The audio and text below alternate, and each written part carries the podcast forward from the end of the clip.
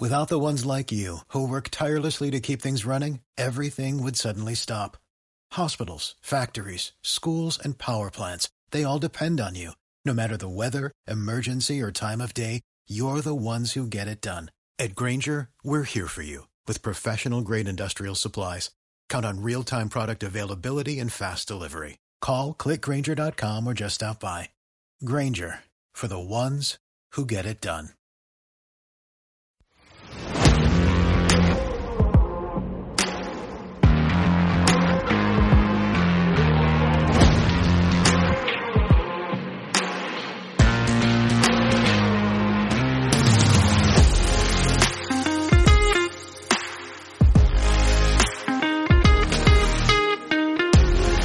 Benvinguts, benvingudes a l'episodi 6 del podcast de la neu.cat, el podcast més gamberro, si més no, que coneguem fins ara, i en català, de tot el món del pirineisme i, i la neu en general.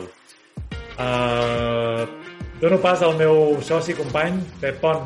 Què tal, com estàs? Hola, què tal? Episodi 6, eh, tio? Com passa el temps, va parir. Sí, sí. Fa dos dies que estàvem fent el, el, el capollito per aquí i gaita. Sí, sí, jo crec que sí.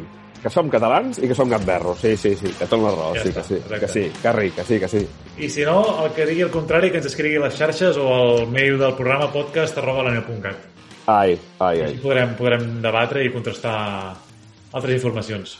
Escolta, uh, per fi, per fi, ha, ha costat enguany, però el dilluns vam poder iniciar la temporada d'hivern.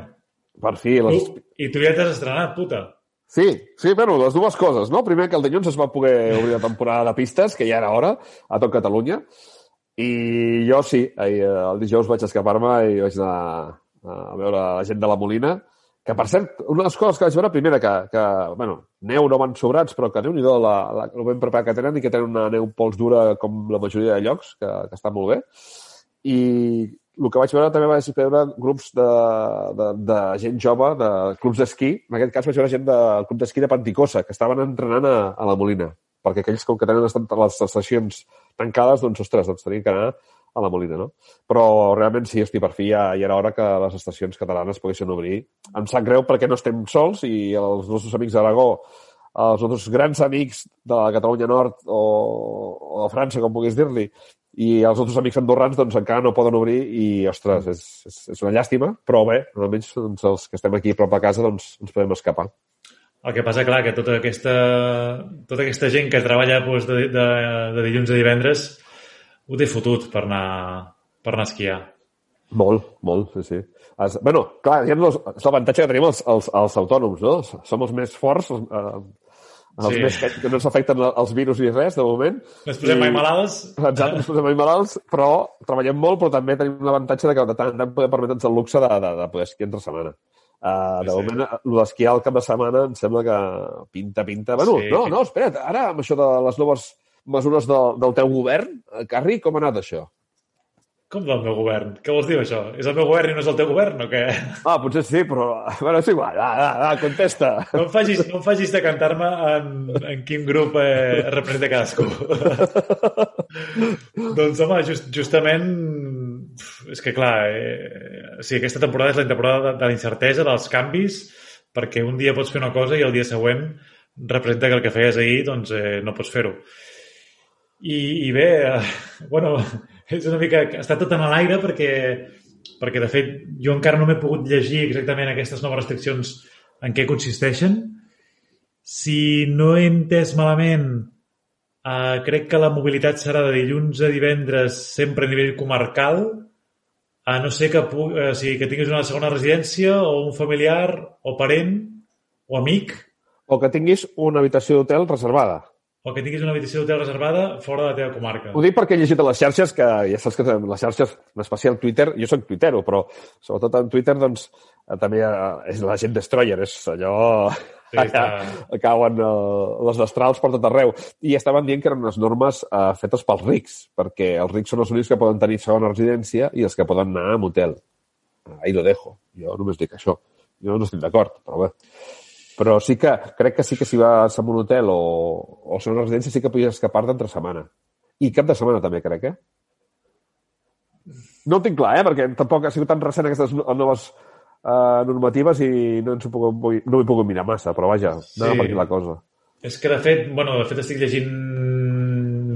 Mira, estic aquí en un diari, el nacional.cat, que hi ha una infografia bastant eh, ben explicada d'aquestes noves restriccions eh, del 21 de desembre a l'11 de gener i en concret aquí no es menciona res, sí que hi ha aquest confinament perimetral a, Cata a Catalunya eh, que llavors, clar, aquí també cal veure els que tenen segones residències a França, per exemple, què passa, si Clar, poden creuar la frontera per aquests, per aquests casos, però a nivell, de, per exemple, d'esports a l'aire lliure no en parlen.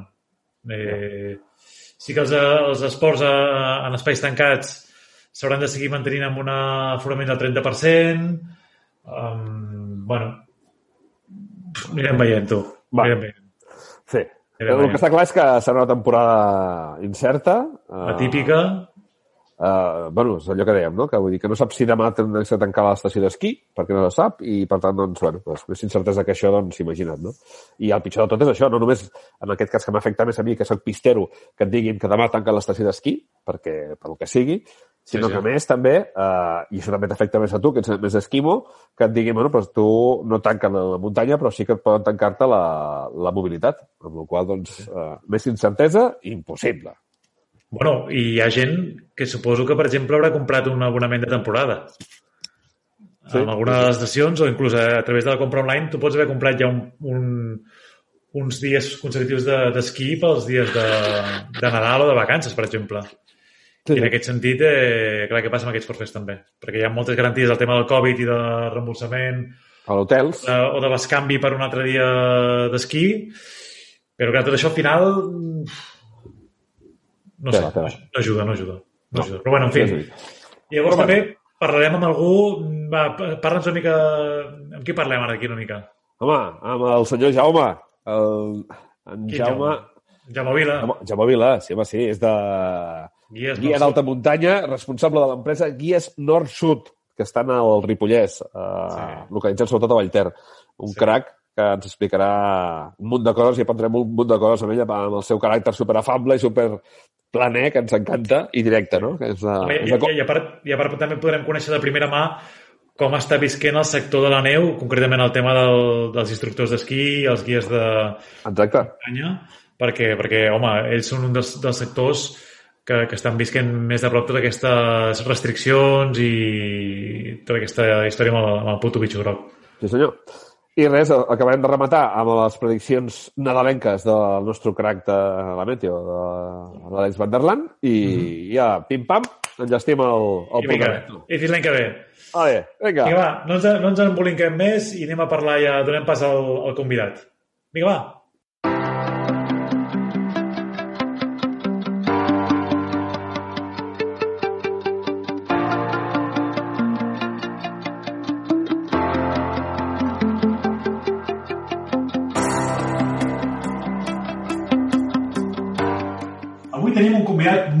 Molt especial. Es tracta d'un pirineista amb majúscules. En primer lloc, direm que és un amant incondicional de la muntanya i la natura en general. Aquesta passió el va portar a fer-se guia de muntanya i el podrem trobar practicant esquí de muntanya, mountain bike, corrent com un senglar per les valls i muntanyes del Ripollès. A més, si el seguiu per les xarxes socials, que de fet és bastant, és bastant actiu, ja sabreu que en Jaume és un personatge singular, reivindicatiu i un català català, que té l'eina o les eines sempre a punt i ben esmolades, pel que pugui passar. I en aquests temps que corren, ben fer capaç, Jaume. Vinga, va, no donem més voltes perquè tenim moltíssimes ganes de, de parlar amb ell. Jaume, en primer lloc, i eh, bueno, encara que no t'agrada molt celebrar-ho, felicitats perquè fa dies que fa alguns dies va ser el teu aniversari, oi? No fotis, sí o no? Sí, sí, sí, sembla que sí. Que, paio, No no sóc- et, fots, et fots gran, eh? No, no sóc gaire de celebrar... Bueno, no sóc gaire de celebrar, vull dir que tampoc eh, em treu la son celebrar. Sí que celebro que estic viu, celebro que els anys que he passat, que els he passat de puta mare, perquè sol passar-los bastant bé, però, bueno, sí, vaig fer uns quants ja. Quan s'ho sé vell, sí. Penso ser un ximpell, em sembla. Això és l'edat, xaval. Això, això pensa que ens fem tots grans i, guaita, l'important és, és poder-ho explicar-ho bé i, i trobar-te bé, eh? Perquè si t'has de trobar Sí, més sí. cardat, me cago en l'ou, deixem-ho córrer, eh? Sí. No, no, i et mantens, et mantens molt bé, eh? Sí, no, sembla que de moment el xassis aguanta i podem anar cardant alguna bestiesa. Vull dir, no podem... També sembla que el ganxito encara s'aixeca, vull dir, no podem demanar més. Bé, és important això. Va, Jaume, i què? Com es presenta la temporada? Bueno, la temporada crec que vosaltres també que esteu al cas, els de Neucat, i, i seguiu tot el, tot el tema una mica, eh, doncs es presenta complicada complicada perquè avui mateix ja heu vist que han tornat a haver unes restriccions. Havíem començat bé perquè hi havia molta neu, almenys al Pirineu Oriental. Sembla que ara també n'hi ha al Pirineu Occidental, que també és una bona notícia perquè tot el Pirineu funcioni, però tenim el problema del Covid, que és complicat, que és complicat, hi ha dues parts complicades. Aquesta part més sanitària, doncs, que, que vulguis o no, perjudica la gent, però hi ha una part política bastant impresentable que gestiona molt malament i, est, i, est, bueno, i està això greujant bastant el, el, més el tema. Vaja, amb això sembla que tenim unes opinions bastant semblants amb això de, del tema polític, la gestió i la mare que la va parir. Però bueno. Sí, en aquest sentit, bueno, com, com, com molt bé dius tu, hi ha, hi ha diversos col·lectius que han quedat mm, molt afectats per aquestes restriccions, com és el cas de, de instructors d'esquí i esquís de muntanya, no? Sí, bueno, jo, jo no vull mirar-me només l'ombliu ni, ni el meu nas, però crec que quedarà afectat tothom. Vull dir, guies de muntanya, però monitors, en el meu cas, però també hotels, restaurants, botigues, comerços, vull dir, això és una cadena que al final rebrà tothom. I encara que no s'ho pensin, els que es pensen que són tan intocables que cobren cada mes igual, quan l'empresa privada deixi de facturar, això arribarà a dalt. Vull dir que, que al final la ventallada que ens ve és bastant important eh, i clar, no, no s'ha rumiat ni rumiem res, vull dir, estan fent gestions que no tenen gaire explicació, vull dir que al final en rebrem tots, no només els guies de muntanya i monitors, sinó que tot el sector queda general, queda tocat, vull dir que quan no tinguem calés per trucar a l'ampista, l'ampista tampoc podrà anar a treballar.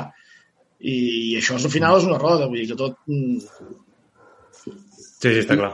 Una cosa, i no ho sé, potser és una miqueta agosarada la pregunta, eh? però heu rebut algun tipus de, de compensació o ajuda des del govern? Bueno, eh, hi, ha, hi ha unes ridícules... Bueno, em sembla que algun de vosaltres també és autònom i ja veiem que la, les ridícules... Els dos, els dos. Som els dos. Els dos som autònoms. Els, tots som tres autònoms, ja sabeu que les ajudes van ser només deixar pagar alguns mesos el que entrava amb aquest d'aixons al principi, que et donaven uns 600 euros per viure, eh, i en deixarem de facturar tots molts de galers. Llavors, eh, si es fes com a Alemanya, doncs que, que es tanca el país per, per evitar aquesta deixó sanitària i es rescaten les empreses, ho trobaria que seria el lògic, però l'altre és que no fan ni una llei ni l'altra, ni tanco ni deixo obert, ho faig a mitges per enganyar, per no haver de rescatar, però tothom s'està cardant de gana. Vull dir, això no sé quina final pot tenir, però les ajudes que tenim ja sabeu que, a més a més, és una loteria, que tiren 1.000 euros de mig d'una plaça i salten 800.000 i hi ha qui els agafa primer, ja vau veure la primera jugada que es va fer, que era bastant de jutjat de guàrdia, i clar, a mi quan em parlen de presos polítics, jo ja començo a pensar més en polítics presos, que són el que no haurien d'haver més, perquè, clar, el, des, el desfalt que hi ha a nivell del país i tot, vull dir, és bastant bestial. Sap greu, però, però saps què passa? Que ja ha arribat un punt que he de començar a dir les coses una mica com, com sonen, perquè sí. els, els, els catalans ja comencem a cardar una mica de riure. Sí, Vull dir, ens han sí. enganyat amb tot, amb la independència, amb la pandèmia, i, i ja no sé què més ens queda, perquè, sí, sí. hòstia, saps? Ja està sí. de vergonya dir que sóc català, la veritat, ja estic començant, que deia al principi de la presentació que era català dels catalans, ja començo, no sé, eh? estic a punt de canviar el nom, podem quedar Sánchez Hernández i, i votaré Vox, perquè clar, no ho facis, no ho facis. No, això no, Jaume, això no. No, això no, no, això no, això no però, hòstia, uh, no sé, uh, és una mica, no sé fins sí. quan hem... Sí. Puteja una mica, sí, sí, puteja una mica, perquè tenim la, la, la fama aquesta, no?, de que bé que, que gestionem i que tot això, i, hòstia, veient això, dius, no, no... No, ens queda, encara sembla que ens queda bastant. Sí. No, a veure, i, i de, de fet, eh, els que esteu així una mica eh, també, bueno, més, més que ho esteu visquent més des d'una perspectiva del món rural, no? Perquè al final és molt diferent els que ho, visque, ho estem visquent des de les grans ciutats o, sí. o zones més eh, metropolitanes i la zona rural, no? que el ritme és molt diferent i et permet una mica també uh, mirar una mica més amb un zoom out i et permet, doncs, bueno, això, tenir diferents punts de vista. Clar, eh? entenc que, que ho és molt diferent. Sí, nosaltres, eh, home, som, eh, ara en aquest, en aquest cas, eh, en aquesta pandèmia, jo crec que els, els, els de poble hem set privilegiats, vull dir, a, a per l'espai que tenim, eh? Vull dir, la veritat és que sí, que... I la veritat jo, jo ho diré aquí ben clarament, vull dir, en el confinament alguns dies he sortit de casa meva i he anat a la muntanya, tot i que estava prohibit, perquè vaig pensar que no hi havia cap esquirol que em pogués encomanar el Covid. I, i clar, al, fin, al final són temes de sentit comú Sí. i clar, nosaltres en aquest cas tenim més avantatge. Però vull dir, sí, ru- aquí dalt es viu una mica poder diferent. I em sap greu, perquè clar, és, és normal, els de ciutat jo no sé com poden aguantar. Dir, jo, jo visqués en un bloc tancat al vuitè pis em hagués carregat a baix, segurament. Però, Sí. però és Sí, no, complicat, sí. ta- ta- també, com, com bé dius tu, no? o sigui, eh, aquí s'ap- s'apliquen restriccions a tots nivells sense tenir en compte doncs això, no? doncs que no és el mateix eh, un, un risc de contagi en una ciutat com Barcelona, Sabadell, Terrassa o, o el que sigui, que no un poble doncs, del Ripollès o de la Cerdanya o de la Ribagorça. Uh, llavors jo crec que, ostres, mm, ja fas bé de dir-ho. Jo també, uh, a nivell personal, a les meves xarxes també he sigut molt, molt reivindicatiu i molt, molt actiu en aquest sentit, perquè crec que, que home, mm, sí, s'han de prendre mesures, però, però hòstia, eh, si des del govern m'obligues a mi a tancar el meu xiringuito, per llei, per llei donem una compensació, perquè pugui sobreviure i no hagi de sortir al carrer a, a buscar pomes. Sí, jo el que no entenc és, per exemple, que ara, per exemple, a l'estació d'esquí està molt bé, posem mesures, i, va, i van dient pels bafres, posin-se les mascaretes, no moriran, vale, que està d'acord, en un espai de, a l'alta muntanya que és immens, ens fiquen uns laberintos per fer cua, a les cafeteries, sí, tot això a mi em sembla molt bé, protegim-se, però després estem a dins del metro, enganxats una a la galta de l'altra que t'estossegui aquí el morros. O sigui, això, qui m'ho pot explicar? Aquest tal aragonès o algú, o aquella de sanitat, la Vergés o no sé, que m'ho expliquin això, perquè és que jo hi ha coses que no les entenc. No sé si sóc jo sol o hi ha més gent, però hi ha coses que no s'entenen. Ja som dos, ja som dos. Tampoc ho he entès mai. Ja són, veus, ja són No, dos. és, que, Sí, sí. és que el tema... Ah, o sigui, aquesta pandèmia ha sigut la pandèmia del sentit comú, no? I, i, i o sigui, la paraula que més ha sonat és, eh, o una de les que més ha sonat, sentit comú. Bueno, bueno, un moment, Hòstia, doncs Carri. el, sentit comú, el sentit comú que tenen ells no és el que tinc Ah, jo. no és el mateix, perquè estem dient, si fos sentit comú, això no té lògica, això. Hòstia, és que jo flipava quan veia a, a dintre el metro Barcelona, com en xoves, allà tots allà abraonats, i, allà a, a la Cerdanya o el Ripollès no es pot... Va, va, no Sí. fotem. No, i també, també que es, es culpabilitza els que durant el pont, doncs, bueno, es van veure cues de gent que anava a la Cerdanya o, o a segones residències a, a Baqueira, on sigui, dic, a veure, dic, no és millor estar una mica repartits i al final no és, no és el que fas, sinó com ho fas, o no? Eh, tu, tu pots anar a la teva segona residència, eh, estàs en un entorn rural, eh, que segueixes amb, el, amb la mascareta, amb distanciament, tot igual, i almenys descompta... Bueno, o sigui, dones espai a les, les ciutats, descongestiona ciutats. Això, això vist des d'una persona com nosaltres, que crec que mitjanament som normals i, i, i, i podríem, no, no, no, no tenim declarat cap deficiència en principi, ho entenem, sí, això és sentit comú. Ara, des d'aquesta gent, sembla que tot això no, no és sentit comú. El sentit comú és tancar tot allà, concentrar... Estan fent tot el contrari que diuen. Sí que eh, estan tallant llibertats, s'estan fent moltes coses que no tenen gaire sentit. Vull dir, a mi, a mi eh, jo vaig pujar amb els meus papers de la feina, em va parar un mosso d'esquadra a Vallter a les 8 del matí, que estava sol al pàrquing, i em va fer fotos a la matrícula, ens feia coses, llavors resulta que ell tenia un familiar que venia de, de, de quatre pobles de la Garrotxa cap allà, que estava prohibit fent esquí de muntanya. Vull dir, eh, clar, ja, ja tot això està una mica destorotat tot. Sí. Sí. No sé fins quin, no sé fins on hem d'arribar. Han creat un pèl de caos i, Sí. i no sé fins on petarà, perquè la veritat és que la gent comença a estar... Jo el que detecto, la gent en general, eh, vull dir, eh, la gent està farta, a mi infer... arribar a tenir una infermera fent classes abans d'ahir i ella es va treure la mascareta quan ja hi havia una mica de distància, la primera va ser ella de baixar-se la mascareta i dir no, és que vull respirar. Eh, però clar, els mitjans també treuen el que volen, Mm. Uh, hi ha unes dades que ells, que ells maneguen que ningú les veu. Hi ha hagut moltes morts, però no hi ha hagut uh, autòpsies durant també el Covid.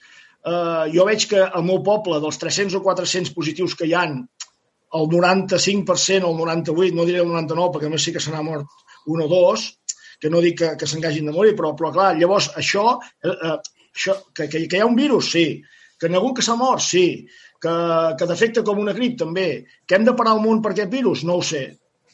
Clar. Sí, sí.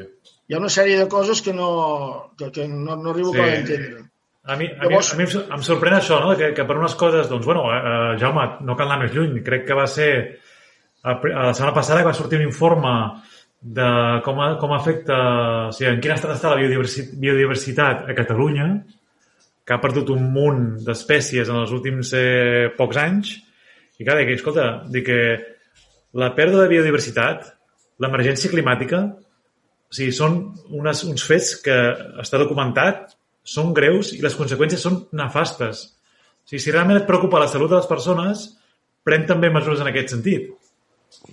Sí, exacte. No, si, si, tu, si tu et preocupa la, la salut de les persones, tens una deficiència a la sanitat val? I, i has de fer més hospitals, més UBIs perquè diu que l'estem saturant, doncs no te'n vas a Madrid i aproves uns pressupostos que es gastaran no sé quants mils de milions amb armes, que pujaran en 600 o 700 mil euros més el sou del rei i que es pujarà el sou dels polítics. Si tu ets tan bona persona i vols salvar la humanitat, almenys la del teu país, aquests calés els inverteixes a sanitat i amplies les UCI i això, però resulta que no, que van allà i firmen això i accepten això. Llavors, eh, a mi quan em diuen estigues, que estigues quiet, has de fer això i resa tres pares nostres al dia, doncs dic, mira, encara m'ho fareu el flaviol. Saps què vull dir? Perquè, clar, arriba un punt doncs, que, que, que ja, ja falta el respecte a la gent. Sí, sí. Llavors, no. això és una mica el que crec i el que jo veig que no, que no, és coherent i que no, que no accepto. Totalment d'acord. I escolta, escolta això, sí, deixem ja parlar d'aquests. Canvi radical. Canvi sí. radical. Va, ja... canvi radical, canvi radical. Ja, escolta, a la, que, a, la que, a la que puguem venir cap aquí, cap a la, cap a la vall de Camprodon, vindrem a, a fer una sortideta amb esquí de muntanya, amb raquetes o el que sigui amb, amb, amb vosaltres, amb guies nord-sud. Farem una cerveseta i segui, seguirem parlant de tot aquest tema que és molt, molt, molt interessant saber un punt de vista també diferent i, i més allunyat del que sí. estem visquent a la ciutat. Nosaltres, de totes maneres, a part de ser crítics, vull dir, ens ho estem agafant molt positivament i estem sobretot enfocant les activitats i la muntanya com, com, com a recurs per, la, per, per, per el sanejament del coco de la gent i, i, i per la salut. Vull dir, sabem que la muntanya és salut, que l'estadi d'aigua és salut i això és amb el, que, amb el que volem fomentar una mica en aquests, en aquests temps i estem intentant donar aquest punt més a l'activitat de, de, un punt encara més, més fort d'esbarjo i de, i de relax de, de coco de la gent amb les activitats i agafant-se-les molt en calma i que la gent les disfruti molt, perquè al final també sabem que, que la feina que tenim és, és a part de queixar-nos, que ja ho hem fet ara una mica, perquè també s'ha de ser crític, però la nostra feina en el, en, el fons, a la definitiva, la que fem és eh, completament positiva d'ajudar i aportar aquesta, aquest punt de, de positivisme, de tirar endavant, de, de gaudir de la natura, de, de, de respirar fort aquí dalt i, i de baixar carregat cap a casa quan treballes tot l'altre. Vull dir que Perquè... ens enfoquem molt cap aquí.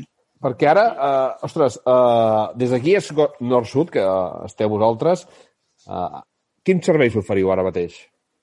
Bé, nosaltres des d'aquí és nord-sud, a l'hivern pràcticament el que ens dediquem més fort és el tema de la neu, i, i sobretot a l'esquí de muntanya, raquetes de neu i les classes d'esquí alpí.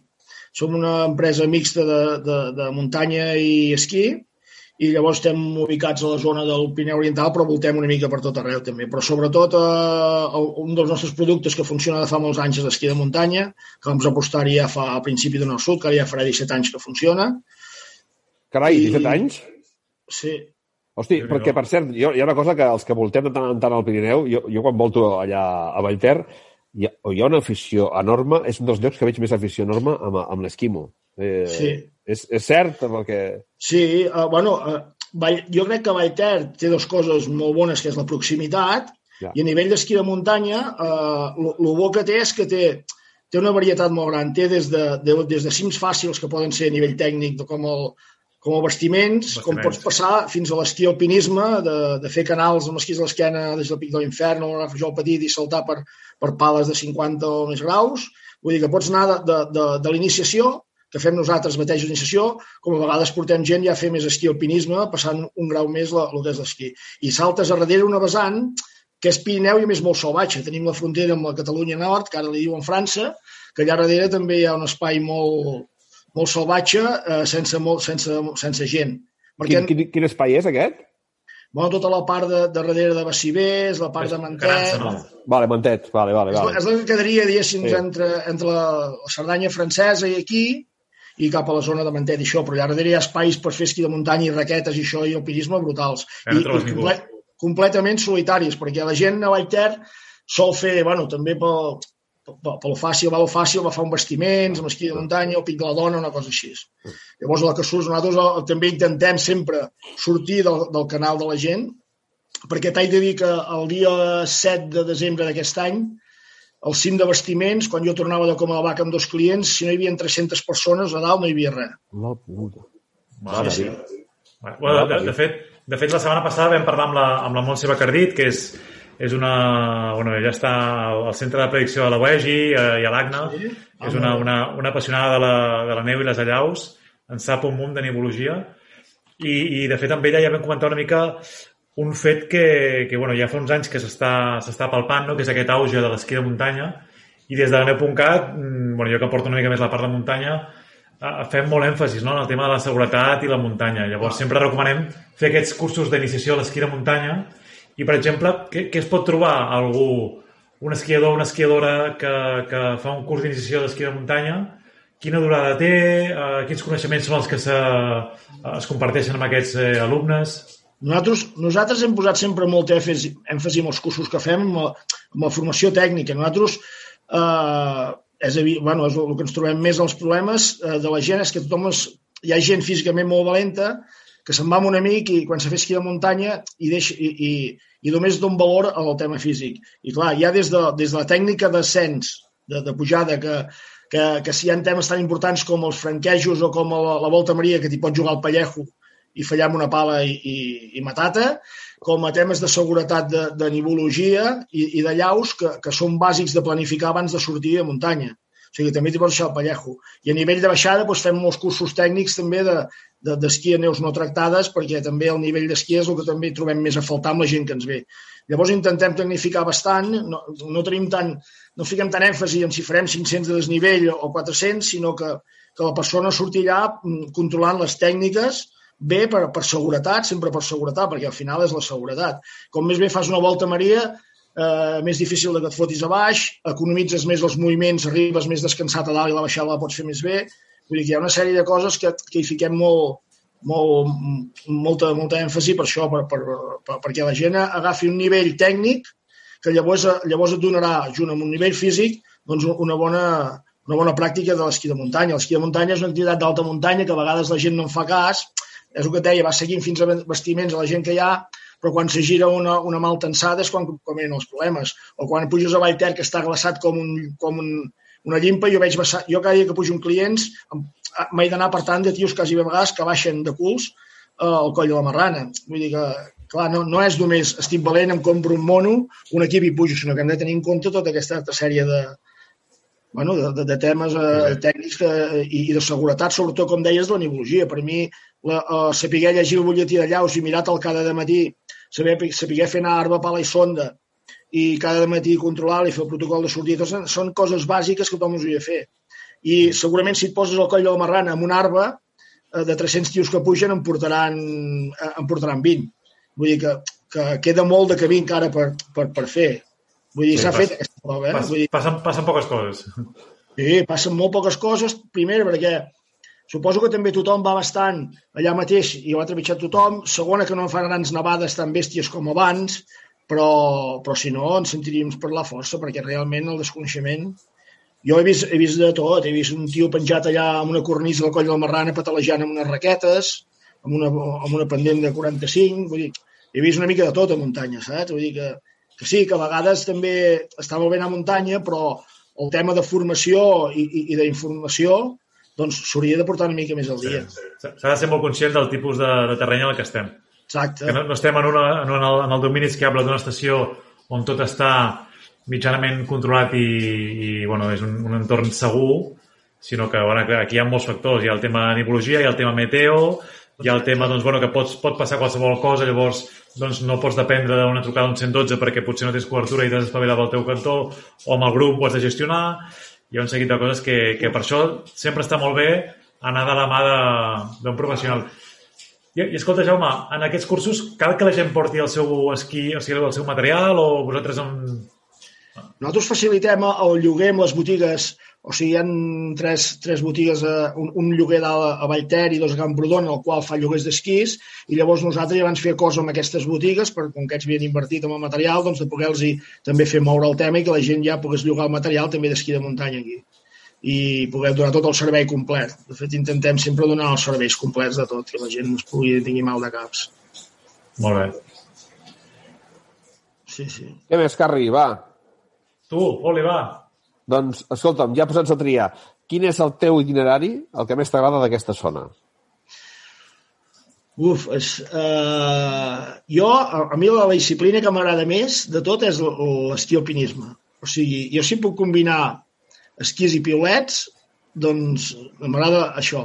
Hi ha dos itineraris que, que triaria, uh, per exemple, o sigui, l'itinerari que és cinc estrelles i que no es pot fer sempre, per mi seria l'ascensió del Gra de Fajol per la canal est, per la canal ample, i baixada per la cara nord. Això és una... És les cinc estrelles, de, per mi, d'aquí a Vallter. O sigui, poder fer aquestes dues, l'ascensió per aquí i el descens per l'altre, per mi és, és la guapa. I, Però, jo, per exemple, la, la canal ample, quant, quants metres té d'amplada, allò? No té masses metres, no? Bueno, d'amplada deu fer... Hi ha tramos, hi ha trams, però no, hi ha trossos que deu fer 10 o 15 metres d'amplada, s'estrenya al mig i fa metro i mig o dos. No m'hi veuràs puja... pas. No, la pujada seria per aquí i la baixada per la cara nord, eh? Ah, i la cara nord... La cara nord és la pala dreta que es veu de Gra de Fajol Sí. mirant cap a les Armotes. Aquest any l'hem pogut estrenar el primer diumenge que va nevar, l'abans poder fer per un puesto de tot i d'això, que, abans, que tenim el vídeo, em sembla, penjat a les xarxes. I és d'aquestes que no sempre està nevada, vull dir, que és d'aquelles que has d'estar el dia que fa i has de quedar castanya, perquè el vent la torna a buidar bastant. I aquest és un dels itineraris que a mi, eh, personalment, em m'agrada. Després hi hauria el, el Pic de l'Infern, que també té, té uns tramos de canal xules per pujar i baixar també per un puesto guapo. Però aquest del, del Gra de Fajol per mi seria el 5 estrelles. A més, el Gra de Fajol per mi és un racó més el, el més alpí i el que, el que don molt de sí també per fer. I escolta, Jaume, els, els Pirineus són casa nostra i com a bons pirineistes ens l'estimem moltíssim. Però, clar, els guies d'alta muntanya també feu sortides i porteu clients a altres serralades, no? I, i Sí. doncs, bueno, actualment no, no, no us podeu moure tant, però, però quina seria, per exemple, una, una serralada que et pugui agradar molt a tu? Home, els Alps, els Alps sempre encanten, no? Els Alps eh, té, molta, té molt de joc i té molt per fer, també. Té esquiades molt xules, també, de, vull dir, per esquí a muntanya també hi ha zones molt xules. La part, a mi m'agrada cap a la part de, per exemple, hi ha una volta xula que hem fet a en clients, això que és la volta al Gran Paradiso, pujant per la cara nord i baixant per l'altra. Uh, a Suïssa també hi ha alguns 4.000 amb esquís també xulos de fer. Vull dir que, hòstia, els Alps jo crec que enamoren en tots els sentits de muntanya, també, no? Tant estiu com hivern, donen molt de joc. Sí, sí.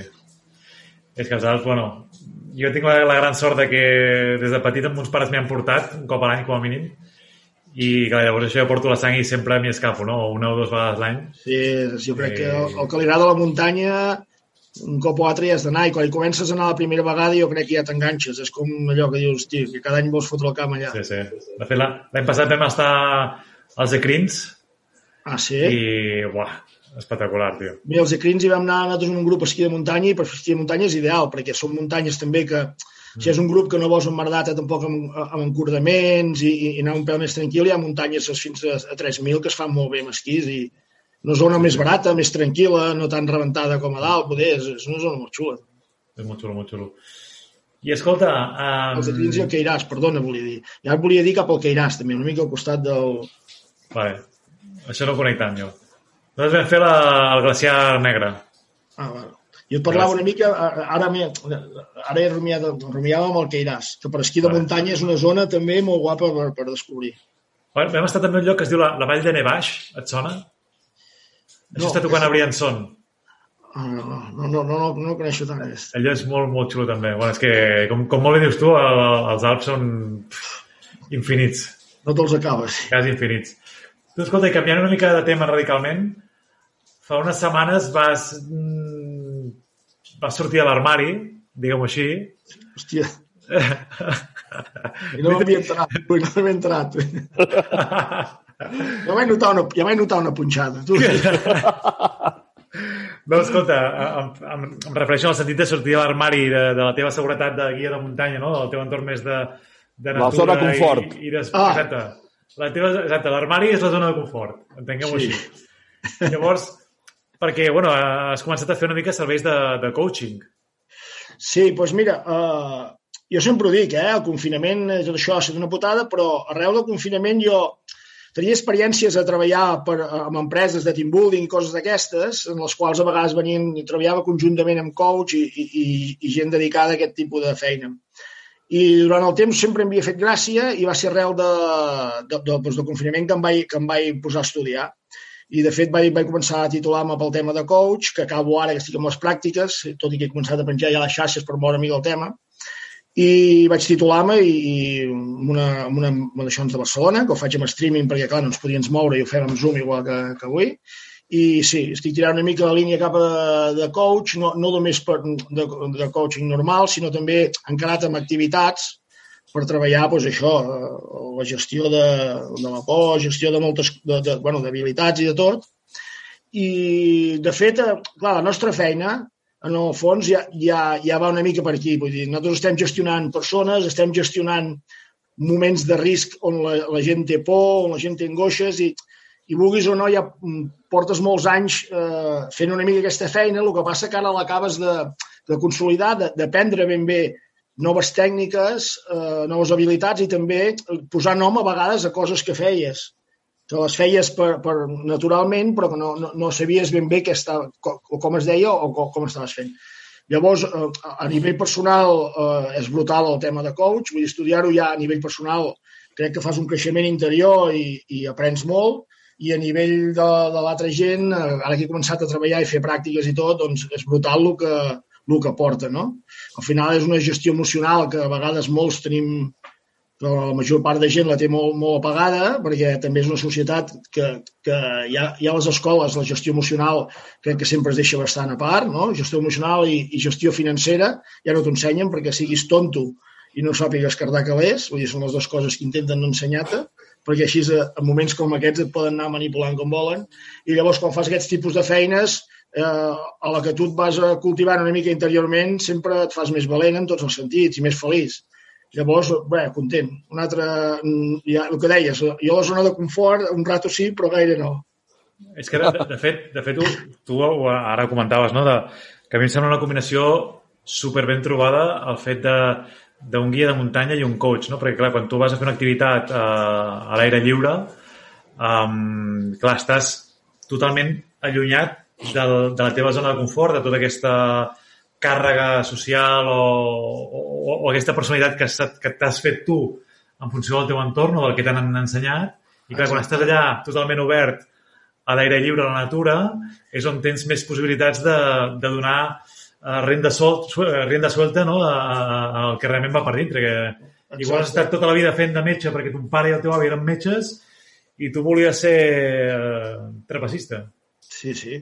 Clar, al final és el que dius tu, vosaltres que feu muntanya ho sabeu, vull dir, hi ha moments a la muntanya que estàs tu amb tu, que tens una situació difícil i que has de sortir pel teu propi peu. Vull dir, això només et surts d'aquests moments quan tu tens les habilitats que necessites per anar allà treballades, quan tens una gestió de les emocions controlada, o sigui, que no t'agafi la polla al mig d'un torb, et quedis bloquejat i deixis el pallejo perquè quedes. Vull dir, has d'haver preparat la, la ruta, l'has d'haver planificat, has de ser cap fred aquell moment, doncs, o, o per, per engegar de cop el GPS, o per marcar un rumb amb la brúixola i sortir, o per fer un, una, una cova de neu i, o sigui, has de tenir el cap ben posat per cada moment gestionar les emocions. I nosaltres com a guia el mateix, vull dir, nosaltres hem de procurar que nosaltres estem, has de procurar per tu, però pels dos més que portes. Llavors, al final, eh, això passa amb la vida mateixa, no? Vull dir, amb la vida cada dia hem de prendre decisions, hem de prendre, ara pot ser, serà un moment complicat, que la gent, molta gent tindrà problemes es quedarà sense feina, algú se li haurà mort poder algú del Covid, l'altre li, eh, bueno, doncs mil, mil històries, agafarà angoixa perquè s'ha tancat, vull dir, és un moment que, que la gestió emocional, si es treballés més de base, doncs, eh, t'estalviaries molts problemes en moments com aquests. Hi ha molta gent que ho està passant malament. Nosaltres, perquè som tres autònoms, salvatges, que sabem que, a més a més, si ens entra el Covid quedarà fos, perquè ja no actua contra els no autònoms. Poden, no poden, els virus amb nosaltres no poden. Ah, hòstia, aquest Covid, quan veu un autònom, ja es car de tot. Li, van dir als autònoms no em peguis cap perquè són els que paguen. Val? Però hi ha gent, hi ha gent que està molt acostumada a una zona de confort que tot això li provoca un, un estrès molt fort. Sí. Jo veig gent molt espantada que marxa amb la mascareta tot sol pel carrer, que no hi ha ningú, i va mirant ja si li baixa el Covid de, de, saps? Vull dir, però es Sí, depèn sí. de cada persona, doncs gestiona d'una manera o una altra, depèn de les Sí. condicions que tens. Llavors, clar, és una, una feina que s'ha de fer. De, de, fet, de fet, tinc una, una cosina germana que és, que és psi- psicòloga uh, i està en un, bueno, en un centre aquests de, públics de, de, de psicologia i, Mm -hmm. i ajudar el, el drogodependent i tal. I, i bueno, m'explicava això, no? doncs que, que, que és una realitat, no? el fet de que hi ha, una, hi ha un increment d'angoixes, de, d'angoixes, de, de depressions, de... pues que és normal, i dic, a veure, és que és, és el més normal del món, perquè és que s'està comunicant només des de la por. Ah. I des, i des de la por, eh, clar, des de la por, al final prenem decisions que, que no Ah. acostumen a, a, ser, a ser bones. Jo, jo, jo la meva pregunta és, o sigui, comuniquen des de la por i creen tot aquest ambient de por per casualitat o és induït? Això és el que pregunto jo a la gent o, o, o, o que jo em pregunto. Bona aquesta, eh? És punyetero aquí, el Jaume. Ah, aquí l'ha clavat, eh? Tinc els meus dubtes, eh? Perquè, clar, si tots som tan bona fes, sortirien a comunicar psicòlegs també i ens, ens farien estar més tranquils i més valents i sortiu i respireu i feu això. Però sembla que totes les, les normes van al contrari de lo que, de lo que seria una gestió de, de, de, Sí, sí, coherent. emocional i, i de Sí, salut. Sí. Vull dir, i, saps? I, I llavors, quan, quan rumines tot això, doncs, eh, fa dubtar moltes coses, el que deies abans. Passa que, Sí. clar, depèn què dius, els mitjans de comunicació, o la gent ja et dirà, no, és que aquest és, és negacionista, terraplanista, Ja hi Sí, som. sí. Sí, sí, sí. Sí, sí. papista... Però saps, fixa't, fixa't una cosa, eh? En el moment que discrepes, en el moment que poses Sí. un punt, ja et diuen et, et, no hi ha un blanc, no hi ha un gris, no. O blanc o negre. No, no, no, no. No va d'aquí la Sí. cosa, eh? No, No, no, és que la, la, la, la polarització jo crec que és un problema a tots nivells, eh? O sigui, a qualsevol àmbit s'està... Jo també, eh? Jo, Jaume, jo, jo molts cops, eh, i no me n'amago, eh? Poso un dubte... O sigui, soc conscient de que hi ha un bitxo, Sí. eh, un bitxo, el puto bitxo groc, que en diem El groc, el groc. Uh, uh, que no sé si ha sortit d'un laboratori o de la natura, jo sóc més de laboratori, però bueno, és igual, això ja, ja no ho diré. Um, però clar, llavors, a la que jo començo a parlar d'això, ja em, ja, em, ja em classifiquen com a negacionista. Ja em posen amb la caixa de Vox. Sí. I dic, escolta... Um, A Vox és negacionista? Sí, clar. Sí. Sí, sí. Ah, no Sí. sabia. Sí, sí. Doncs, te- clar, teòricament ja t'etiqueten i et posen en aquell sac de ui, no, és que el, el Carri és un boig. El Carri Sí. no te l'escoltis perquè és un, és, un, és un bala perduda i només Sí. diu que bajanades. Bueno, a mi també, a mi també ja em tatxen d'això, però, però quan estàs segur de tu mateix, el que et tatxi l'altra gent tampoc em preocupa molt. Saps què vull Sí, dir? sí. Jo, no, jo intento no putejar ningú, no agradar mal a ningú, eh, llavors, a partir d'aquesta premissa, eh, puc rumiar el que em doni la gana. I puc agafar... Jo, jo funciono també, i estem funcionant per dades, no? O sigui, si estem dient que això és tan xungo, eh, i, i tots els que coneixo ho han passat com una grip un refredat, doncs eh, jo, jo miro les dades, no estic inventant-me res. Estic dient, hòstia, d'aquí de 300 tios, tots, eh, la meitat asimptomàtics, que diuen ells, asimptomàtic vol dir que no té símptomes, voldrà dir que no tens res. Voldrà dir que aquell positiu d'haver fallat. Alguns que tenen com una grip, i, i coneixo un home gran d'aquí que es va morir, màxim se n'han mort dos que jo coneixi. Però, però vull dir, llavors, si això ho extrapoles a tot arreu, eh, una pandèmia, eh, un, un virus, una malaltia, sí, una pandèmia, no ho sé. Vull, vull Sí, dir, però, però clar, si tots els mitjans van a una i tots sabem que van connectats i que el mana el mateix, doncs algú hi ha que hi ha una campanya aquí, no? I parlo amb el meu amic que, que porta el màrqueting dels hotels Princesa Sofia i, i tot aquest grup d'aquest de, de, de, de, del Barça, d'en Feiner, com es diuen? Bueno, no me'n recordo. A l'Estar. No, no, no, és l'altre, el que estava ara. Bueno, un grup d'hotels que des del mes de la primavera tenen els fondos buitres darrere apretant-los per comprar-los quatre xavos tot, que els hi han tancat tot i ja no han pogut obrir els hotels, i vas lligant cosetes i dius, hòstia, és raro tot, és raro tot. Hi ha aquí una, unes farmacèutiques doncs, que tenen uns interessos per vendre unes vacunes de Déu, com va fer amb la gripà. La gripà també havien de morir tots de gripà, havien de vacunar. Es van vendre un merder de vacunes, que estan totes en unes naus, hi ha uns quants que van encaixar i ja es va haver acabat la gripà. I la gripà encara funciona encara mata gent, però ja no se'n parla. Vull dir que eh, és tot un festival de Déu. Val? Jo no, no dic que no tinc tota la veritat jo, ni la té un altre, però que, que està clar que, és tot, que, que tot és una mica marejat. No, no, hi va haver... És d'agrair que hi hagin opinions divergents. Saps? Allò de dir, ostres, Sí, que no, clar. no tot és el, el, el, el, el mainstream, no? Tothom parla d'això, Sí. però hosti, tot és... No, no és veritat. No? Doncs hi ha altres Sí. versions, però bueno. Clar, Doncs crec escolta'm, que- és, és impossible arribar a, a la veritat del punt mig, però sí que dèiem allò, anem una mica al sentit comú tot plegat, perquè és que al final perdrem el nord tots i no, no, no ens en sortirem. Sí, sí. Sobretot que no perdem el nord, eh? Perquè el nord sí, sí que és la clau. El nord, exacte, el nord és clau. No perdeu, el nord no el perdeu el nord-sud. No perdeu el nord-sud no el perdem. Escolta, Jaume, doncs, eh, bueno, mm, ja saps que, que t'estimem molt, que, que formes part del, de l'ADN de l'M.cat, tens una secció oh, també, també oberta per, per escriure al nostre magazín i, bueno, tenim ganes de provar aquesta nova aquesta nova versió teva, no?, del, del combinar doncs, un, un entorn de natura amb un, amb un coaching, que jo crec que, per exemple, ens aniria molt bé a veure si, per exemple, el Pep, el meu soci, a veure si finalment surt de l'armari. Jo crec que, que serà la manera de, de, de que s'acabi de decidir, faci el pas. Jo quan vulgui surto de l'armari. Per fer què? Per fer esquí de muntanya, vols dir? O alguna així? Exacte. És per... L'esquí és, Porto, ah, mira, amb ell i amb l'Àlex Van der Land, que és el nostre col·laborador també estimat. Són pisteros, collons, són pisteros, hòstia. Són gent, són gent de pista i que van sempre allò ben, ben, ben, saps, amb els cantells ben, ben afiladets i ben, ben pitiminí, ben posats. I dic, escolta, que sí, que em sembla perfecte. Jo sóc instructor d'esquí i, i m'encanta i és un, és un lloc molt, molt xulo.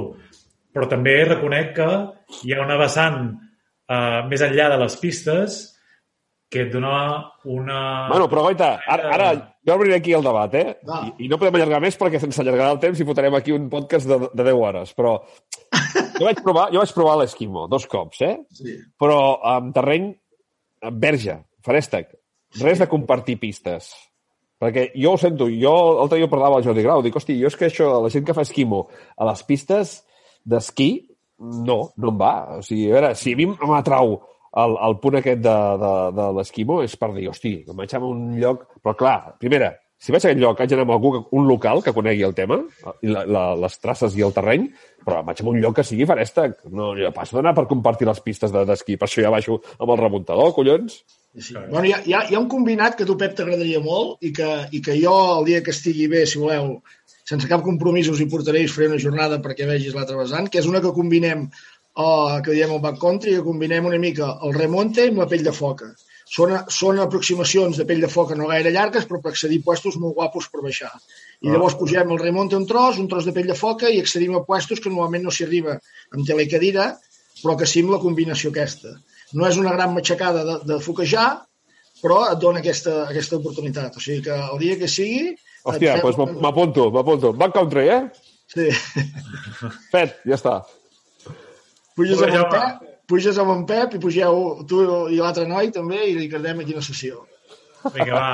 Per, sessió aneu, aneu jo ja saps que no, tinc, no cal que m'animis gaire per, per venir-te a veure. Ara en Pep, en Pep, va, Pep, vinga, va, no, no, estem no, aquí. Que, que sí, que sí. Parla, digue-ho, digue-ho. Que, sí, que jo m'apunto. Compte amb mi, compte amb mi. Vale, vale. T'hem registrat a l'episodi 6 del podcast de l'Aneu.cat. Però després anem a jalar, eh? Després anem a fer un halo com la mare. Eh? Això per descomptat, ja, sap, birra. ja ho sap en Pep, eh? Ah. Patí, patí ample, roda gruixuda, plat fondo. Bona aquesta! Sí, sí, aquest, aquest el primer cop que me'l va deixar anar, dic, hòstia, Nado, ets bo, eh? Ets bo, eh? Patí ample, roda gruixuda i plat fondo. Que bo. Plat fondo. Que sí, senyor. Doncs ja està, genial. Vinga, Jaume, una abraçada. Moltes gràcies. Cuideu-se, que no us pilli vosaltres tampoc el bitxoquet, que pugueu treballar el màxim que pugueu també i bueno, que, no, que no perdeu el somriure aquest que teniu, que és el més vàlid que tenim. Sí, senyor. Sí. Igualment, Vinga, una abraçada. Adéu. Adéu.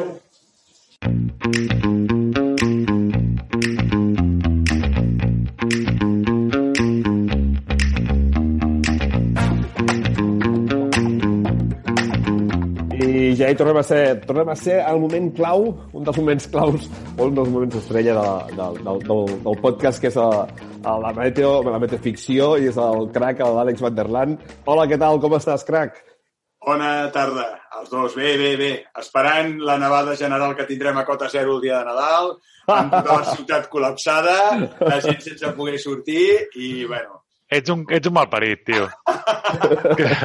bueno, escolta, Ara teniu 50.000 followers, ja us han seguit, era el titular. Eh? Naval Cota Zero, Barcelona, ja està. Ja està, ja podem tancar. Vinga, doncs això, vinga. A, això, home, a, això el titular pel 28 de desembre, Sants Innocents, perfecte. Però ara, a 17 de desembre, amb el nerviosisme i la incertesa que tenim tots plegats, si diem això, vamos. Home, jo sempre he pensat, jo sempre he pensat que la, gran sort que va haver-hi l'any 62, que va ser la nevada de veritat, que Barcelona va quedar amb més d'un metre de neu, va ser, a més, una nevada feta... Si algun guionista ho hagués pensat una nevada és aquesta, va començar a nevar just a la missa del Gai, quan la gent sortia, tota la nit nevant, Oh, que maco! tot, tota Barcelona col·lapsada. O sigui, jo crec que no hi ha una història més perfecta amb una ciutat com Barcelona, que no neva mai. O sigui, si, si ho has de fer d'alguna manera, aquest és el guió. I a l'any 62, amb els mitjans que tenien, que era el mateix que res. Vull dir, que ara, si, si, això ens passés, vamos, jo crec que afecta... O sigui, tots estaríem contents, bueno, contents, hi ha gent que no, eh, clar, i, i tal, però em refereixo, tots els meteofriquis del fred estaríem... Però, clar, faria ja dues setmanes que piulant a les xarxes, tothom dient-ho. Però aquell, aquell any, que la gent, jo m'imagino, eh, faig aquesta empatia de posar-me, anaven a el que devia ser la Barcelona 62, a la missa al Gai, amb aquests abrics i tot allò, eh, tot aquell món encara tancat del, del franquisme. I de cop i volta, hòstia, aquell fred, posar-se a nevar i no tindre ni idea, té que ser, vamos, Ha de ser brutal, ha de ser Àlex, brutal. Àlex, però és que ara, ara ho has dit tu. Eh, és que abans, abans la gent anava a missa. Exacte. I per això passaven Bueno, aquestes coses. no, escolta'm, ara la gent però- ja anava a missa, ja no, creu, no creiem en res. Però, però a part de, la, a part de la missa, perdoneu-me, però a part de la missa sí que hi ha un factor molt important que acaba de dir l'Àlex, i és que ara, si t'hi poses, és que flipes, perquè dius, no havia, bueno, crec jo, no hi havia moltes No, no, no. fiables de, de meteo. No. Ni, canal, devia haver un canal, no?, de televisió? Devia haver. I jo crec que sí, devia ser solament televisió espanyola, la 2 jo crec que ni devia funcionar, I clar, i- algun local així... ens- Hòstia, és, és el Mariano perquè- Medina, el Mariano Medina suposo que estava por ahí amb mapes, i bueno, i amb el que era en aquella època, pues, clar, a lo millor no, no, no devia ni... No, clar, no. I festes tampoc es havien muntat superfestes ni botellones. No es anava a mi... Sí que es anava a missa, però anaven a fer botellones. No, ara Jo més a que- la missa la gent sortiria a fer el live, com avui la nevada que estava havent a Nova York, que sortirien a fer el live i a vale. retransmetre-ho en directe. I amb els TikToks... La, la, jugada, la jugada guapa és de dir, hosti, la majoria, inclús els nens, sobretot els nens que, es- que fa més il·lusió, la gent que és a Barcelona, que no estan acostumats a veure nevar, hosti, llevar-se el dia de Nadal i obrir la finestra i veure allò, I uau! tota la nit, tota la nit. Ah. I que va ser una siberiana. I el fred que va vindre. I que després tot allò es va congelar. Estem parlant de gruixos de que van ser més o menys de quan? Eh? Mig Van metre? arribar a un metre quasi al centre de Barcelona. Uau! Ah. Bueno, això- re recorda que això és, és la neu.cat, que, a veure, van vindre els andorrans a salvar Catalunya. Vale? Eh, el famós, eh, ara no em surt el nom, a veure, clar, no hi havia ni un sol llevaneus i, clar, estava tot congelat i no tenien. I van tindre que demanar als andorrans, que, que havien inventat ja el sistema doncs, de les pales que menjava la neu i escopia, que vinguessin. I Em sembla que era el Viladomat, no? No, no era Eh? el Viladomat? El Viladomat, el del pas de la casa. Vols No ho dir? sé. Bueno, Jo sé que estava... Home, no, no és tan gran aquest home. No, no, no. No, Era, no, no. Era, van fer un reportatge, era, eh, ara és igual, però sí que estava buscat pel franquisme, perquè era republicà, i el tio es va fer fer un passe especial pel Franco, perquè, clar, li va demanar el Porcioles, que era l'alcalde de Barcelona, vale? perquè vinguessin. Clar, a veure, tu pensa que la gent els aplaudia, eh? els andorrans anaven per les... Per, també, eh? per Granollers, Mataró, la gent aplaudint-los perquè, clar, obrien les comunicacions. Ara ens en fotem molt, però en aquella època, imagina't, va ser una siberiana, gelat tot, no podien transitar, vull dir, i el tio, i el tio expressament amb el passi, això és, és, és històric, eh? amb el passi eh, que tenia del Franco, va arribar amb totes les llevaneus i va parar enmig a la plaça Sant Jaume, eh? eh amb una bandera catalana i tot, com vulguem dir, vale, i ara què? Ara no podeu tenir ni en podeu res. I llavors em va tornar a Andorra, eh? com conquerint, eh? dient... Eh, recuperar els territoris catalans. Correcte. A partir Bueno, d'aquí, has- l'Ajuntament de Barcelona va comprar llevaneus, que fins a aquella època no en tenia ni un. Doncs, escolta, Àlex, però, home, això, això seria una passada. Jo crec que No, tothom... això no passarà, eh? Ens hem, Clar, tothom ens home, a part que seria, enguany seria un desastre monumental, perquè ara imagineu-vos la situació. Tots amb les estufes a fora sopant, el 24, i que es foti a caure un metre de neu.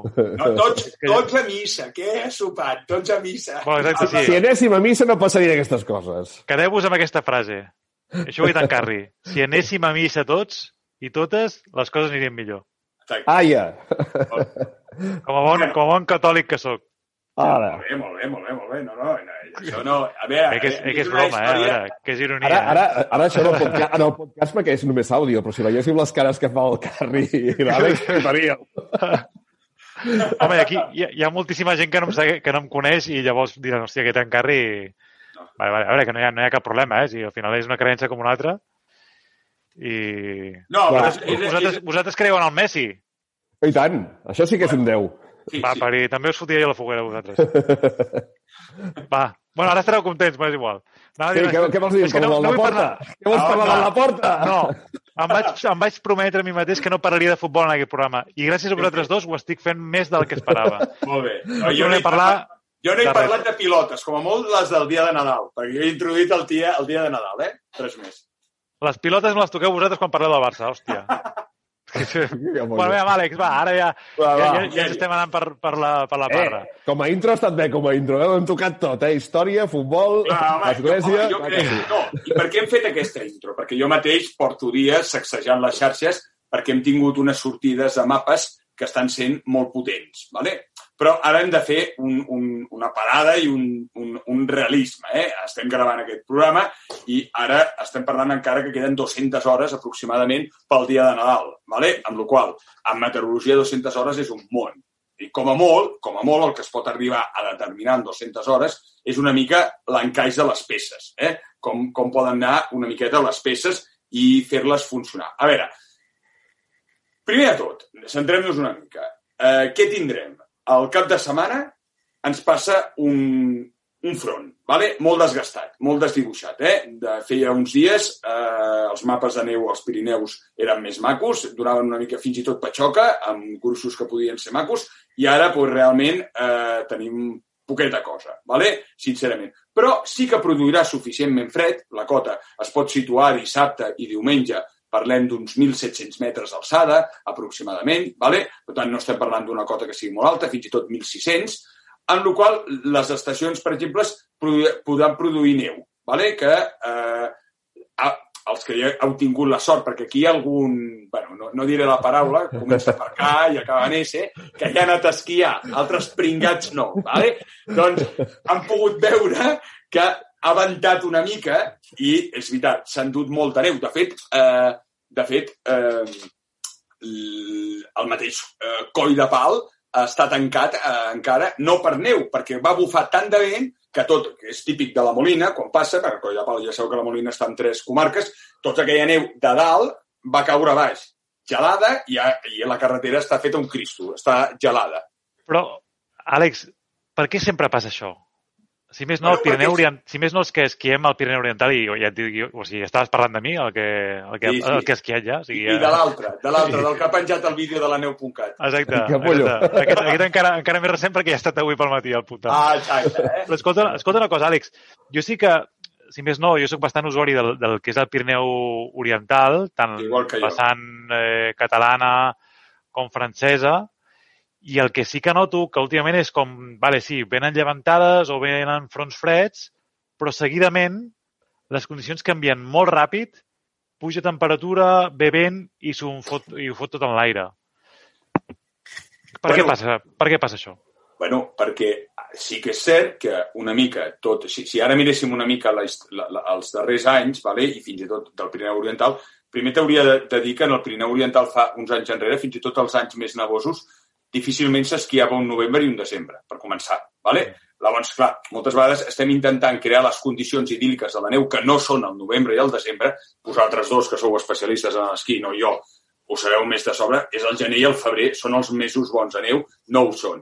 Llavors, primer per començar, llavors són mesos que encara no són l'hivern. Tot i que l'hivern meteorològic realment comença l'1 de desembre, fixa't que l'hivern astronòmic comença el 22 de desembre. Ho dic que és important perquè les estacions abans obrien després de Nadal. Ara estem tenint aquest debat que sembla que la gent del món de l'esquí estem desesperats tots i tallant-nos el coll, però realment, si estiguéssim l'any 62, com parlàvem, que ja la Molina estava oberta, s'hagués obert l'estació d'esquí a partir de, de, després del dia de Sant Esteve, eh? a partir del dia 27 cap amunt. Amb la qual vull dir, eh, la temporada començaria sense cap problema. Eh? I aquí ara estem tots amb el, amb el drama, perquè l'hem volgut començar.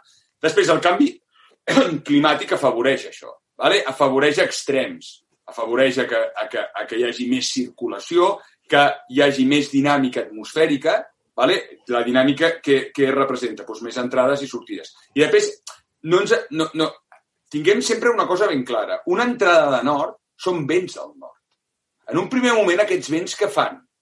Aquests vents aixequen tot l'aire càlid vale? que es troben de les muntanyes, per això és cara nord, sobretot Vall d'Aran i tal, i si els vents són molt forts, salta el Pirineu eh, oriental, i arrastren tota aquesta humitat i la converteixen en precipitació. Per tant, en aquell moment els vents es van debilitant ells mateixos amb el que és fer pujar i tal. Però una vegada la precipitació ha acabat, el vent segueix estant allà. El, el, moltes vegades, la, en el pas d'un front, primer el que rep és el que diem la zona càlida del front. Però després ve la zona més freda, amb els vents, i és quan realment es reforça la tramuntana i el mestral. I el Pirineu Oriental, doncs, Carri, està molt a prop de, de, del final dels Pirineus. Per exemple, els pobres de Baiter, clar, són els últims. Eh? I clar, aquest, sí és un drama. Aquests, la Molina encara salva una mica, perquè mira, la Molina, eh, qui rep és la zona de lavaus, que ja coneixes, el que parlàvem, Coll de Pal. Sí. Potser la Tossa també a la part de dalt, però rep una mica menys, té, té cobertures però Baité està exposada. És l'últim moicano eh, del Pirineu i, clar, sí, sí. el vent ja li entra. I tot. Sí, no, de fet, de, de fet, en aquest últim episodi de, de, de neu i nevades, que Vallter doncs, va, fer la, va ser la principal beneficiada, no? que van caure fins a 50 centímetres. Sí. Si tu mires ara, ostres... Ha avançat, ha avançat, ha avançat molt. Clar, però, però fixa't, però ho has dit molt bé, la llevantada els, no els hi va avançar i la neu va quedar impressionant. El problema ha estat que des de la llevantada han entrat dos nortades. I Baiter ha rebut molt poca neu, perquè nord és la pitjor estació de totes, la que menys rep, vale? diguéssim que l'última en nord que pot rebre una mica és Masella i Molina, com així d'una manera, Núria potser en algunes vegades, però ha de ser, ha de ser molt fort, dic de... Baiter és la que menys rep, però en canvi és la que rep el vent la que més rep tot el vent, perquè no té... És a dir, al final el vent no deixa de ser... El vent és, és gandul, Llavors el vent intenta buscar les sortides ràpides. El problema que, quan el, que té és que si es va trobant la serralada s'embuta i intenta anar-se'n cap, a la, cap, a, cap al golf de Roses. Però quan ja troba forats, s'escola. Llavors ja es troba muntanyes més baixes i ja els hi entra molt més fort. És, és un tema orogràfic. I escolta, així què? Què? Per, què, què, què, Nadal? Va, què, què, Nadal? Seguim, perquè avui, més que una previsió meteorològica, estic fotent el rotllo de l'any. La, la setmana passada el vòrtex petao. Que, per cert, tenim calentón, eh, sembla? Sí, per final d'any, no? Per final d'any. I, I els que no sàpiguen de què parlem, doncs que busquin el Vortex de la setmana passada, aquí el Vortex, el podcast de la setmana passada, que ho vam explicar. Ara no vaig explicar el Vortex, ¿vale? Solament deixem el titular. S'està calentant per finals de mes. Vosaltres ja, que sou uns especialistes, i l'Alba, que li envio records des d'aquí, eh, eh, ja també, ¿vale? Però qui vulgui escoltar, pues, té, té feina. Es descarrega el post de la setmana passada i ho sabrà. Home, bueno, això, ojo, eh? És important, això. L'escalfament a finals d'any. Ahí lo dejamos. Finals d'any, ¿vale? Vale. Eh, que això no vol dir finals d'any. Eh, agafeu, no, no, no. Eh? Simplement dic això. Els efectes poden anar unes dues setmanes després, si passés. I perquè ara tot Cristo mirant el dia 31 ah. què passarà. No, no sé el que passarà, eh? El que no passarà és que anireu a la plaça Catalunya a fotre's el raïm i això segur que no passa. Vale? I el temps ni Cristo sap. bueno, escolta'm, seguim el que ho deia, aquest cap de setmana passa una cua de front, hi haurà algú de precipitació, no, no dic que no pugui deixar el Pirineu Oriental els seus 5 o 6 centímetres, però sobretot crec que és un moment que les estacions podran una mica produir neu, que crec que és interessant.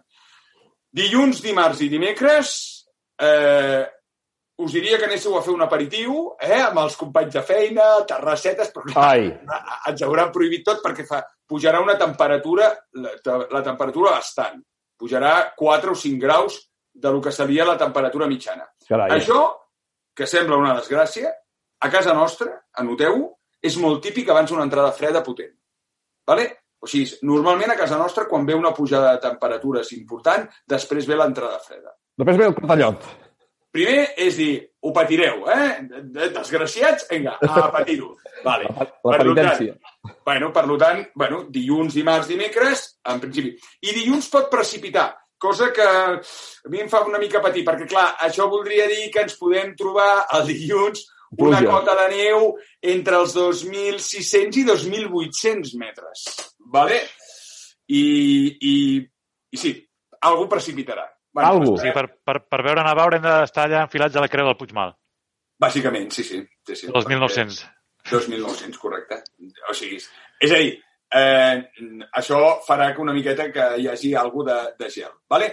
Hem de veure, estem parlant ara de molts dies vista i amb la qual s'ha de veure finalment quina capacitat de precipitació pro produiria. Però el de la pujada de temperatures és molt segur. Vale? Llavors, la precipitació ja veurem. Vale. En principi diríem que eh, dilluns no nevaria al Pirineu, eh? perquè a mi ja, quan estem parlant de cotes de 2.800, efectes pràctics és quasi com si no neva. Eh? De fet, els models quasi ja no posen ni les típiques raietes blanques de neu, perquè ja simbolitzen que la majoria de la serralada està per sota. I, bueno, i llavors ara ve la patata calenta, el titular que hem fet. Què passarà en Nochebuena, el dia de Navidad, Sant Esteve i tota la traca? Vale. A dia d'avui, tal com estem parlant ara, Sembla que el dia 24 hi ha una clara tendència, el 24 tarda del vespre, a que les temperatures baixaran. Eh? El que us hem dit, aquest estiuet, que seria de dilluns a dimecres, el dijous la temperatura aniria cap avall. I ara per ara els models apunten a un dia de Nadal fred. Fins i tot podria ser molt fred. Això jo no ho tinc clar ara, perquè ens estan mostrant que ens podria arribar a entrar una massa d'aire d'uns menys 34 sota zero, semblant una mica a la irrupció polar que vam tindre. El que passa que aquesta seria continental més seca, ¿vale? que el que estàvem parlant abans, seria una entrada nord. Llavors, quan, dius, quan dius seca, per tant, no hi ha precipitació. No, a veure, quan dic seca vol dir que una entrada nord tenim els nostres estimats Pirineus que s'ho mengen tot. Si no tinguéssim els Pirineus seria una història completament diferent. Però és això que us deia. La part davantera es troba als Pirineus i on precipites allà. Llavors, en aquestes situacions, qui rebràs el Pirineu? I, a veure, a dia d'avui, mm, a qualsevol cota eh, del Pirineu seria, eh, perquè tranquil·lament podria ser una cota 300, eh, 400, aniria baixant gradualment.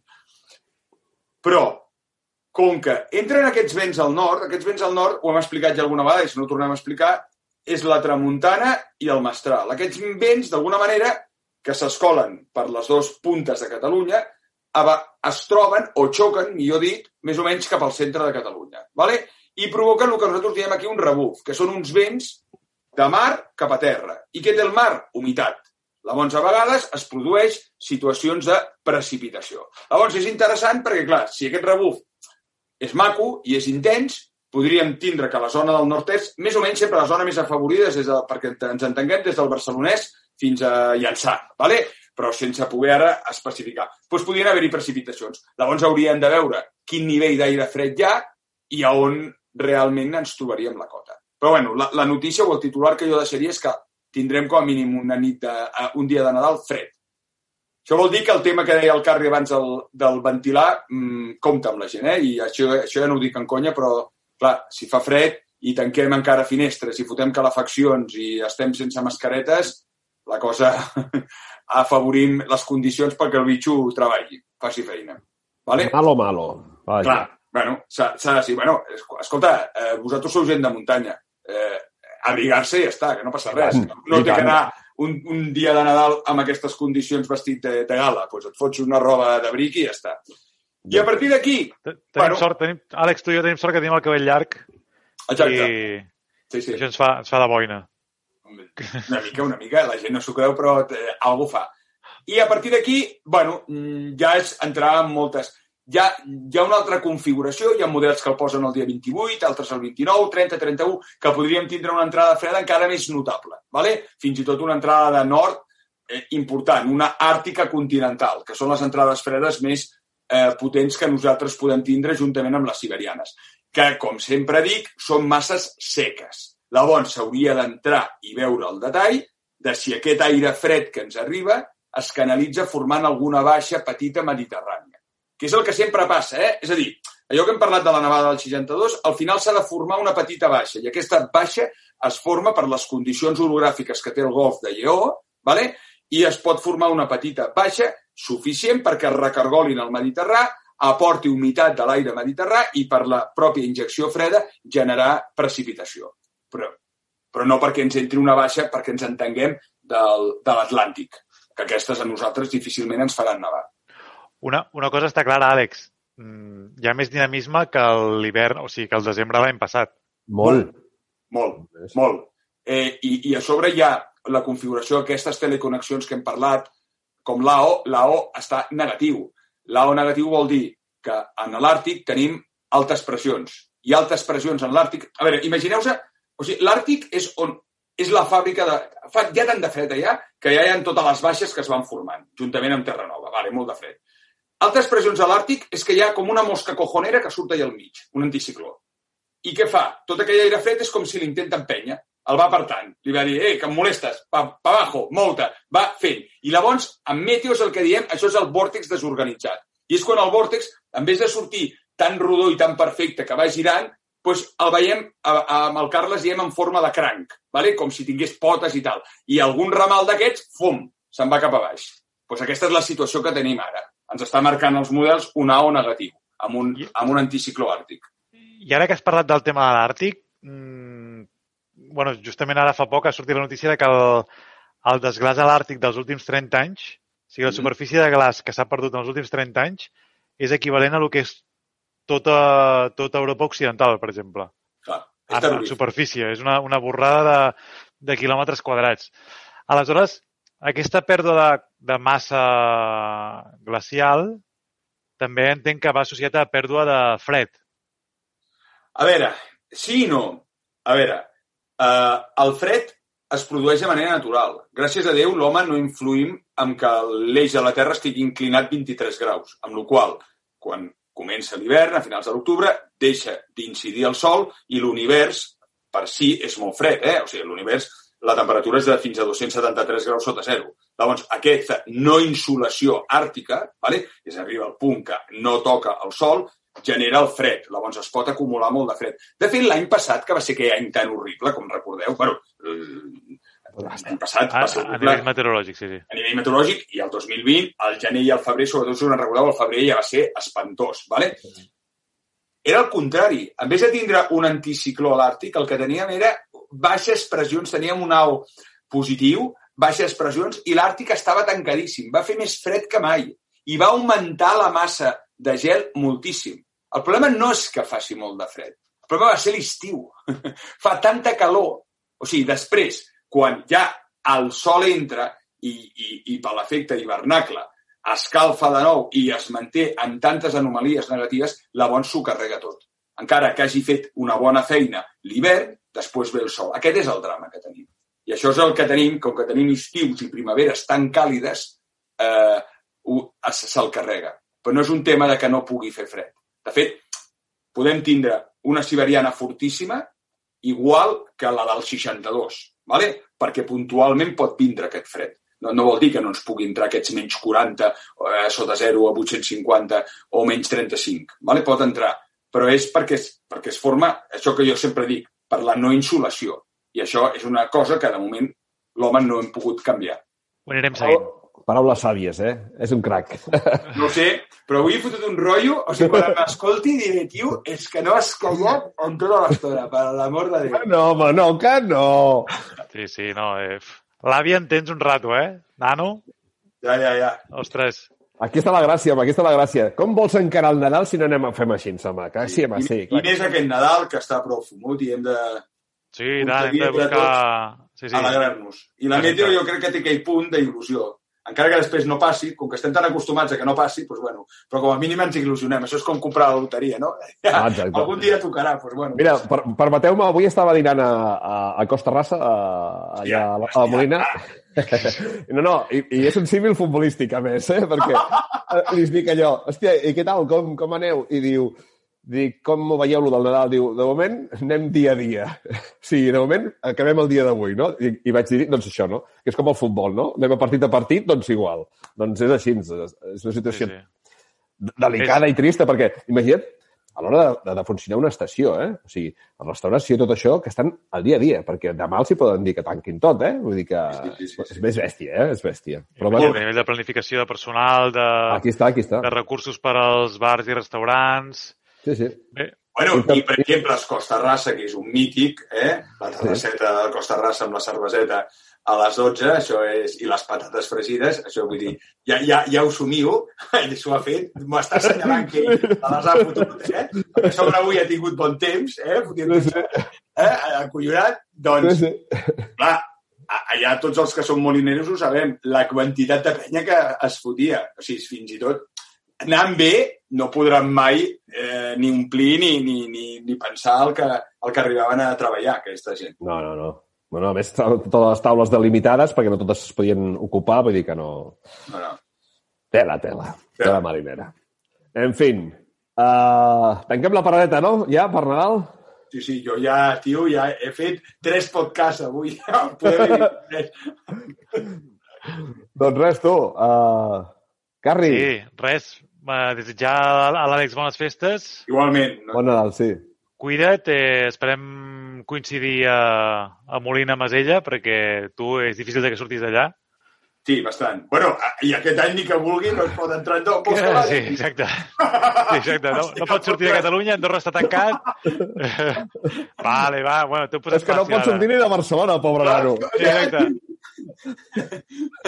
Bueno, bueno. Vinga, doncs. Una Vinga, abraçada enorme. guapo. Va, nano, merci. I que vagi molt bé. Adéu, adéu.